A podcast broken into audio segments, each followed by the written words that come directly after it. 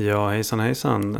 Välkomna till eh, avsnitt 108 av Nya Arbetartidningens poddradio. Jag heter David Kasa. Mig har ni hört mycket nu på sistone pratande som såna här grejer. Och idag har jag med mig Jan Hägglund. I egen hög person. Hej hej. Tjena, tjena. Det är ju, alltså det här måste ju vara första gången. Hur länge sedan var det vi gjorde en riktig podd? Ja, det var väl ett år sedan. Och Det känns ju som det. Nej men det var väl, det var väl jag tror att det kan ha varit i mars, april någonting. Vi har ju haft föreläsningsserier här med, med inspelade anföranden och allt annat möjligt liksom nödlösningar för att det här ska hållas flytande. Du har ju varit lite krasslig, det är ju det. Alltså det är ju en sorts eh, bojkott som jag har. Eh, del, delvis bojkott kan man säga. Ja. Mot, mot de bristande arvodena som jag har. Mm. Vad mm. heter det? Eh, genomfört. För att visa hur oersättlig jag är. Mm, jo. Nej, du, du skrev in dig på sjukhus och opererade dig själv bara för att protestera mot... Eh, Exakt, exakt. jo. Eh, ja, nej men eh, vi ska ju ta itu med den här arvodesfrågan. Det är väl avsnitt 237 eller någonting sånt där. Men det är kul att ha dig liksom eh, back in business här. Ja, jag önskar att jag kunde säga detsamma. Men här är jag. Jo, precis. Eh, för alltså, det betyder ju att vi kan göra en riktig podd. Ja, Och vi har ju ett riktigt bra ämne också. ja det har vi. Eh, så det passar ju sig att göra en riktig podd på det. Ja. Ja. Det är ju, eh, ja vi kan ju köra igång. Vi behöver inte prata om dieselpriser och sånt där. Så Nej. som blir glad av det. Nej, vem blir 25 glad av dieselpriser? Nej. Nej, utan vi, vi, vi pratar istället om vårt ämne här. Det är ju så här va. Att eh, samtidigt som Sverige nu ansöker om medlemskap i NATO. Så har det ju utformats sedan en tid tillbaka planer på NATO en fundamentalt ny och global roll. Eh, det har ju varit så att sedan grundandet 1949 så har kärnan i NATO som ju är en förkortning, North Atlantic Treaty Organization, NATO. Det har varit att om någon av medlemsstaterna i NATO som finns i Europa eller i Nordamerika har utsatts för ett väpnat angrepp. Då ska det betraktas som ett angrepp på alla medlemsstater i NATO. Och den angripna staten ska då bistås av alla övriga NATO-medlemmar. Och det är det som brukar kallas, ibland i, i mediedebatten så pratar man om NATOs artikel 5. Det är det som den här artikel 5 går ut på. Då. Och eh, det är den här eh, drygt 70-åriga beskrivningen av NATOs roll för USA, Kanada och medlemsstaterna i Europa. Som den nya svenska säkerhetspolitiska rapporten eh, bygger. Och det är den rapport då som påstås visa att Sverige måste gå med i NATO. Men Janne, du anser att den säkerhetspolitiska rapporten bygger på en förlegad bild av vad som är NATOs uppgifter. Hur tänker ja, du då? Ja, alltså först vill jag säga att den så kallade säkerhetspolitiska rapporten. Mm? Ja.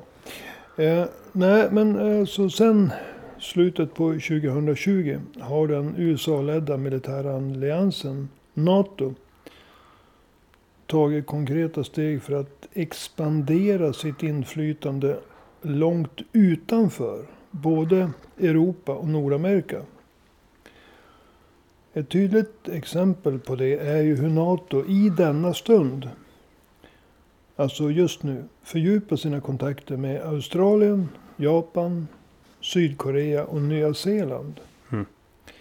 Den här expansionen från NATOs sida, bland annat i Asien och Stilla havet, har redan ett eh, namn. Mhm. NAC plus 4. NAC eller NAC, det är beteckningen på NATOs styrelse.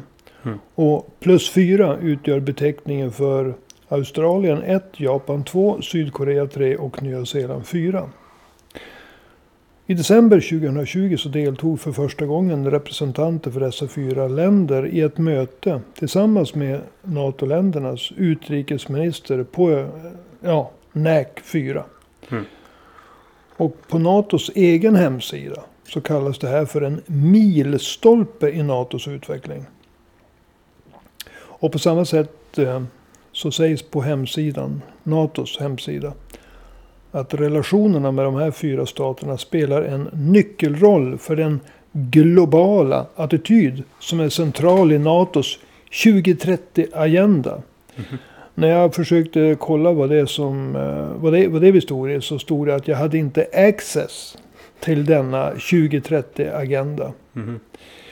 Men alltså innebörden är att USA nu mobiliserar för det första NATOs övriga medlemsländer, Kanada och de i Europa, tillsammans med Australien, Japan, Sydkorea och Nya Zeeland i sin kraftmätning med Kina.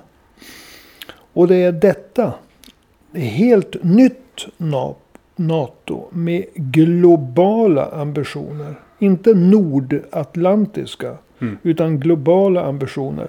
Som Sverige ansöker om medlemskap i.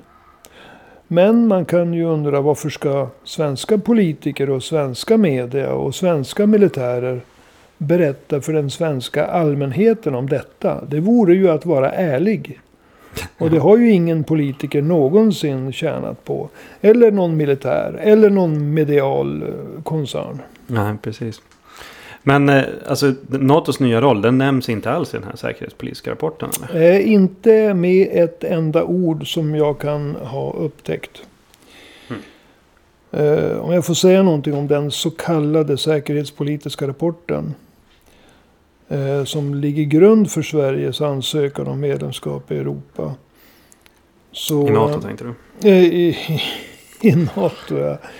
Sverige är ju liksom redan en del av Europa. Ja, rent geografiskt. Absolut, absolut. Nej, men, eh, det, det, finns ingenting om, om NATOs nya roll. Mm. Det finns ingenting om ambitionen att eh, agera i eh, Asien och Stilla havet utanför Kina. Mm. Tillsammans med de här fyra nationerna. Japan, Sydkorea, Nya Zeeland och Australien. Men det här är ju ingenting som är hemligt för de åtta riksdagspartierna. Det är inte någonting som är hemligt för media eller militären.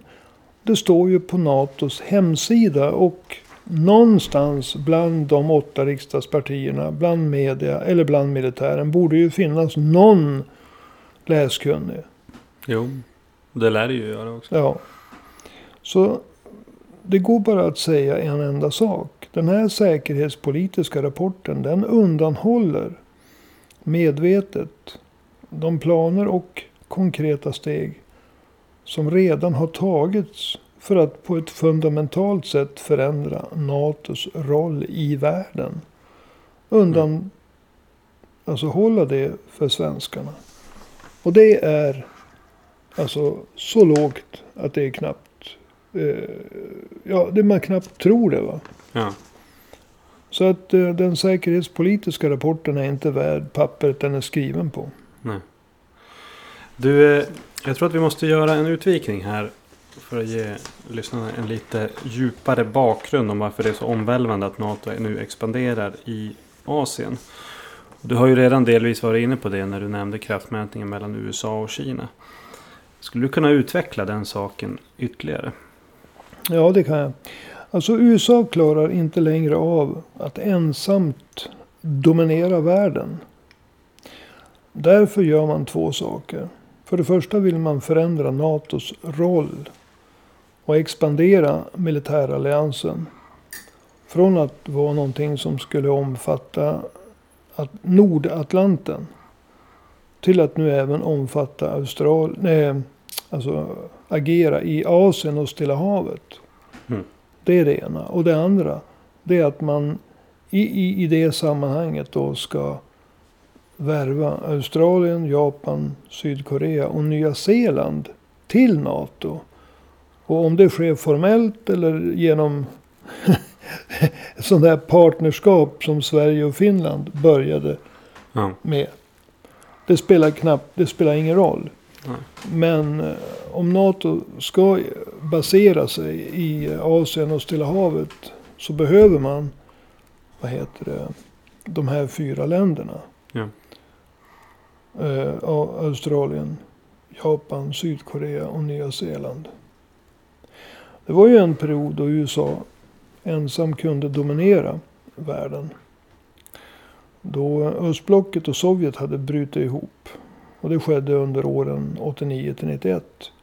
Så kunde USA ensamt dominera världsscenen. Och det utnyttjar man. Så i slutet av 1990-talet så ingrep USA militärt i det sönderfallande före detta Jugoslavien. Och man bombade USA och NATO i Serbien och Kosovo. Utan stöd av FN. Man, det var 99 va? Ja, det var 1999. För övrigt bombade man Kinas ambassad i Belgrad.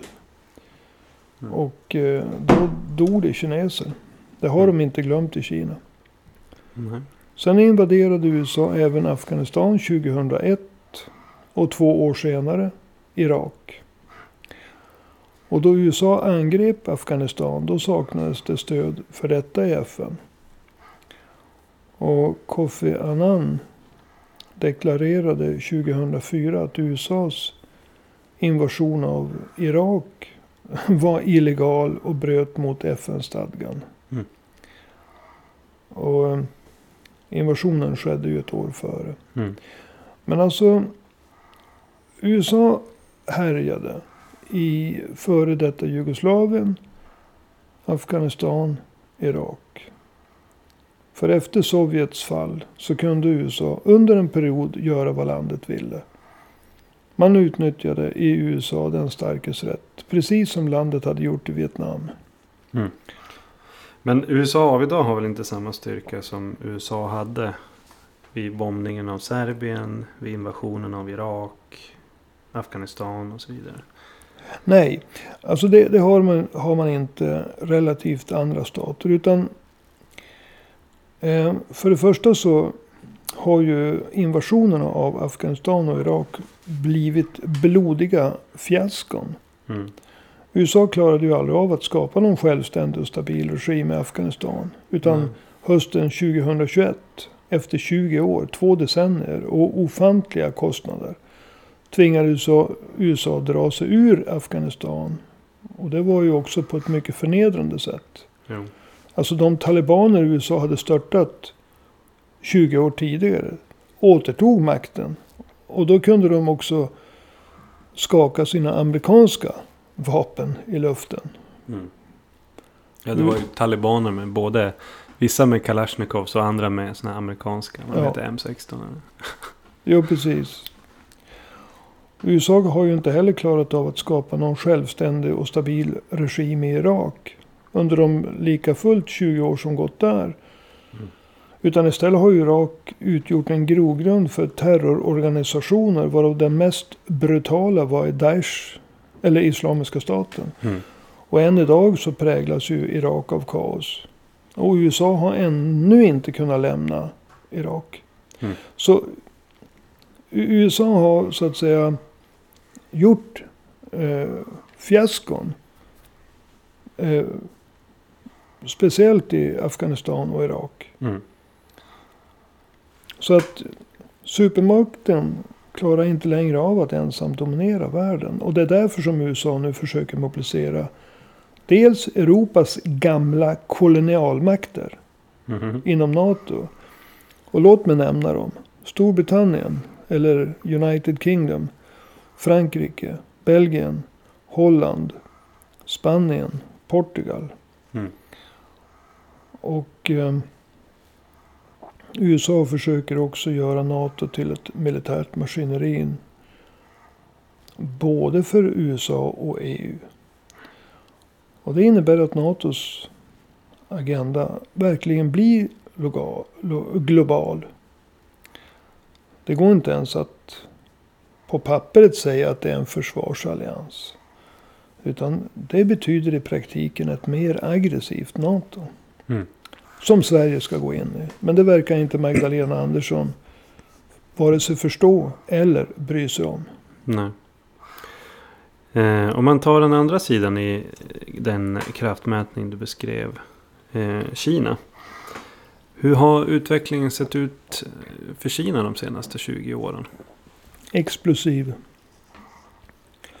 Om man tittar på de ekonomiska styrkeförhållandena mellan USA och Kina så har det ju skett en dramatisk förändring. Mm. Vi tittar på industriproduktionen. De verkliga musklerna. Ja. Och går vi tillbaka till år 2000 blankt. Då var Kinas industriproduktion 6,5 procent av världsproduktionen. Ja. Och i det läget så var USAs industriproduktion nästan en fjärdedel av industriproduktionen i hela världen. 25 procent. Mm. 20 år senare, 2020. 2020, så hade alltså Kina gått från 6,5 till 26 procent. Samtidigt så hade USAs andel fallit ner till 16 procent.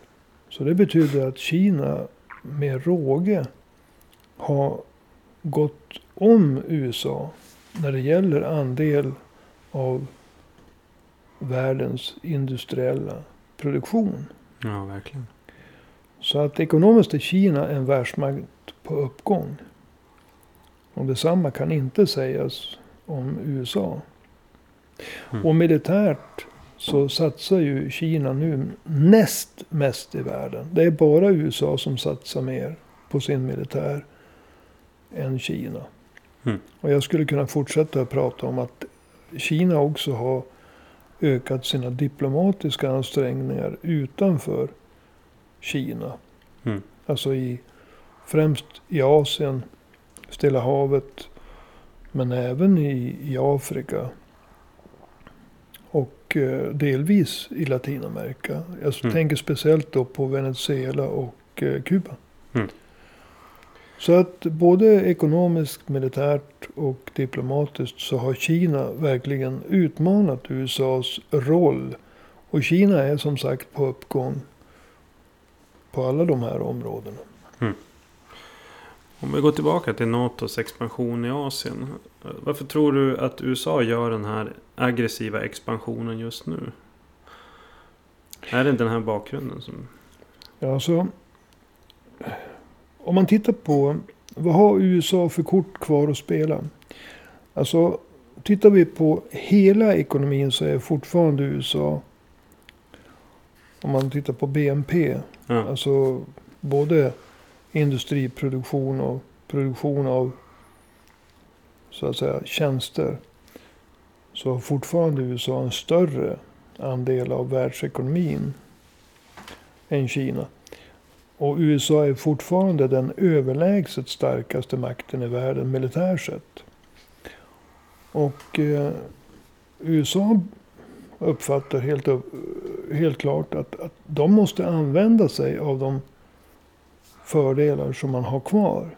Mm. I, I ett försök att bromsa Kinas växande ekonomiska, militära och eh, politiska styrka runt om i världen. Mm.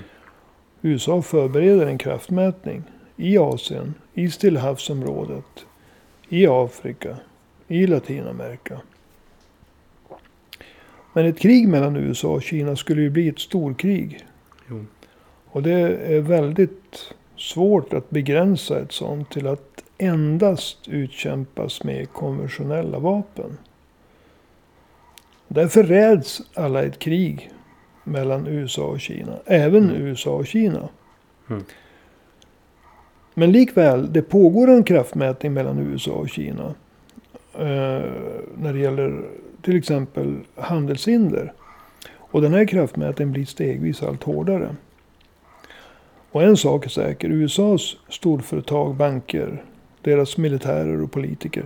De tänker inte kliva ner från tronen. Eh, så att säga frivilligt.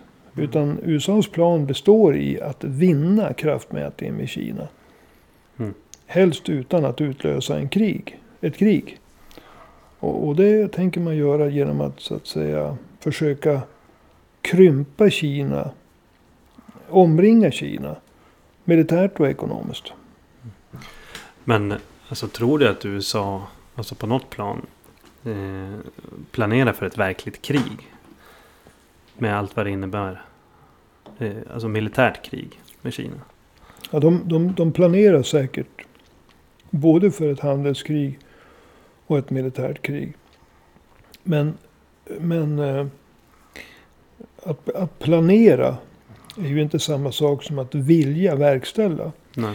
Utan, alltså idag, jag säger det igen, det pågår ett, en, ett mildare form av handelskrig mellan USA och Kina. Det inleddes redan under Donald Trump. Jo. Men det räcker inte.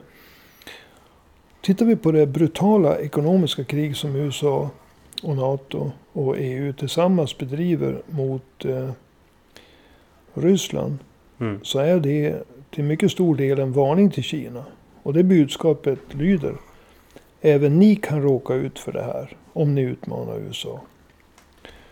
Alltså, du tänker att de riktar det mot Kina? Eller? Ja, alltså den, den, den extremt hårda sanktionspolitiken som, som egentligen inte ska kallas för sanktion. Utan ekonomiskt krig mot Ryssland är bara delvis riktat mot Ryssland. Det är också en varning mot Peking. Mm. Samtidigt klarar ju inte USA av att ringa in Kina med militära baser på egen hand. Och USA kommer inte att klara av att utkämpa ett fullskaligt handelskrig mot Kina på egen hand. Mm. Och det är mot den bakgrunden som vi ska se försöken att expandera den USA-ledda militära alliansen NATOs roll. Så att den ut- utsträcks till Kina. Och tanken, alltså, tanken är ju att NATO ska vara både EUs och USAs militära allians. Mm. Så jag menar, man vill ju få med EU via NATO på tåget. Eh, kom ihåg NATOs 2030-agenda. Alltså Mm. USA vill att övriga NATO-medlemmar, och det, och det är i princip hela EU, tillsammans med då Australien, Japan, Sydkorea och Nya Zeeland, ska hjälpa till med att omringa Kina ekonomiskt och hota Kina militärt. Mm. För att Kina på något sätt ska backa från sina ambitioner. Att spela en mycket roll, större roll i Asien, Stilla havet, Afrika och även USAs bakgård Latinamerika. Ja. Jag ska ta och börja avrunda här med att eh, återvända till eh, Sveriges roll. Eh, vad anser du, vilken roll kommer Sverige att kunna spela i den här kraftmätningen? Eller har Sverige tagit på sig nu i den här kraftmätningen? Ja. Alltså Sverige dras ju in i det här. I kraftmätningen. Mm. Sen om Sverige kan spela någon roll. Det, det, det vet man ju inte. Hur en mygga kan påverka två elefanter. Men alltså. En sak är säker. USA förbereder sig inför kraftmätningen med Kina.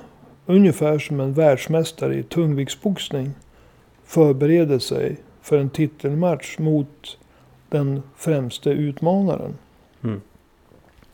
Och USAs nedgång i kombination med Kinas starka uppgång hotar den världsordning där USA ensamt har kunnat dominera världen sedan Sovjet upplöstes 91. Mm. Och det är i denna situation där USA och Kina står öga mot öga i Asien, i Stilla havet, i Afrika och i Latinamerika Mm. som Sverige nu ansöker om medlemskap i NATO. Ja. Och eh, det är oroväckande. Den här säkerhetspolitiska rapporten, om jag får återvända till den. Den Ja. är patetisk. Det finns Jo. två saker i den. Eh, vad gör Finland? Det är det ena. Och det andra är världshistorien började den 24 februari i år. Mm. ja, det är verkligen så. Ja, och det, det är så inskränkt att det vore komiskt om det inte var tragiskt. Sverige går alltså med i ett NATO som i praktiken håller på att försvinna och ersättas av det globala NATO. Mm. Så att genom sin ansökan av Sverige, i bästa fall, valt sida i ett nytt kallt krig. Och i värsta fall har Sverige valt sida i ett framtida tredje världskrig. Som ju inte behöver bli militärt. Men ekonomiskt. Mm. Och det är tragiskt. Sverige kommer att spela rollen av kanonmat. Så är det. Ja, du, har du några final words? Kanske någonting om en, en sorts eh, väg framåt ur den här något dystra eh, framtidsbilden? Ja, det här är en dystopi. Nej, men under alla omständigheter så har etablissemanget i Sverige, riksdagspartier, militärer och media, medvetet undanhållit befolkningen i Sverige att inträdet i NATO innebär att Sverige inte bara kommer att bli en frontstat mot Ryssland, utan Sverige kommer även att bli en frontstat mot Kina. Mm. Och det här kommer inte att öka säkerheten och tryggheten hemma i Sverige. Mm. Och kampen mot det här NATO-bedrägeriet, den måste fortsätta. Tanken är att det ska inte finnas någon ståndpunkt mellan att antingen sluta upp bakom USAs NATO eller också bli kallad för Putin eller Peking-kramare. Mm. Vi måste strida för rätten till en tredje ståndpunkt. Alltså att varken stötta USA och NATO eller Kina och Ryssland. Mm. Utan att kunna liksom kritisera båda sidorna i det nya kalla kriget. Mm. Och den kampen, kampen för rätten till en tredje ståndpunkt, den har bara börjat. Och vi kommer att ha allierade i en oerhört massa, oerhörd massa länder i tredje världen. Som precis som vi som finns i, i Sverige, i Europa, snart är ett NATO-land om eh, Erdogan så vill. Mhm. Vi kommer att ha en massa allierade runt om i världen som inte heller vill välja sida i den konflikten. All right. Men det var, det var en lite mer upplyftande avslutning. Ja, vi är inte ensamma vare sig i Sverige eller världen. Ja. Men kom right. ihåg begreppet tredje ståndpunkt. Tredje ståndpunkt. Mm. Mm. Ja, men du, eh, tack ska du ha då Janne för idag. Det var ju roligt att få spela in en eh, riktig podd här. Ja, men så roligt att jag får några pengar till bensin, eller diesel menar jag. Det, det, det är det inte. Nej, nej. Du fick ju en kanelbulle och en sån här äppelkam från Lidl. Mm. Det ju... Men det var ju för att träffa andra. Eh, var, vi hade ju ett eh, mygelmöte inför budgetfullmäktige. Och det var ju för att bjuda det andra partiet på fika. Ja, ja. Så den där kammen den fick du ju faktiskt av min eh, rena och utan baktanke frammanande godhet. Du, jag har väl bjudit dig på tio gånger så mycket fika som du har bjudit mig. Ja, det är inte omöjligt. Du åt en glass också. Som... Ja, visst. De fick jag betala för. Det, det är också sant i och för sig. Ja. Mm. Ja, hur som helst så eh, du som lyssnar kanske har mer godhet i ditt hjärta än någon av oss här. Och vill bjuda Janne på mer än fika. Eller rent allmänt vill stötta den här podden och stötta kampen för en tredje ståndpunkt. I sådana fall så borde du swisha ett bidrag. Stort eller litet, det spelar inte så stor roll även om vi blir något gladare för stora bidrag än vi blir för små bidrag. Men alltså det är, det är en marginell skillnad i glädjen. Vi firar för 10 kronor, vi firar för 5000 kronor. Eh, Va, att, va, va, va, är du inte ute och cyklar nu? Vi blir väldigt mycket mer glada för 5000 ja, kronor. det är sant. Det är sant. Om- om det är någon som swishar 5000 kronor kommer bli jävligt glada. Det, det, det, det får man svära för. Så är det. Hur som helst, vill du swisha så är numret 123 504 7105. Eh, det vill säga 123 504 7105. Och swisha ett bidrag om du tycker att det är en bra podd. Swisha ett bidrag för att stötta kampen för en tredje ståndpunkt. Jag heter David Skasa, du har lyssnat på Nya Arbetartidningens poddradio och vi återkommer om en vecka. Hej hej!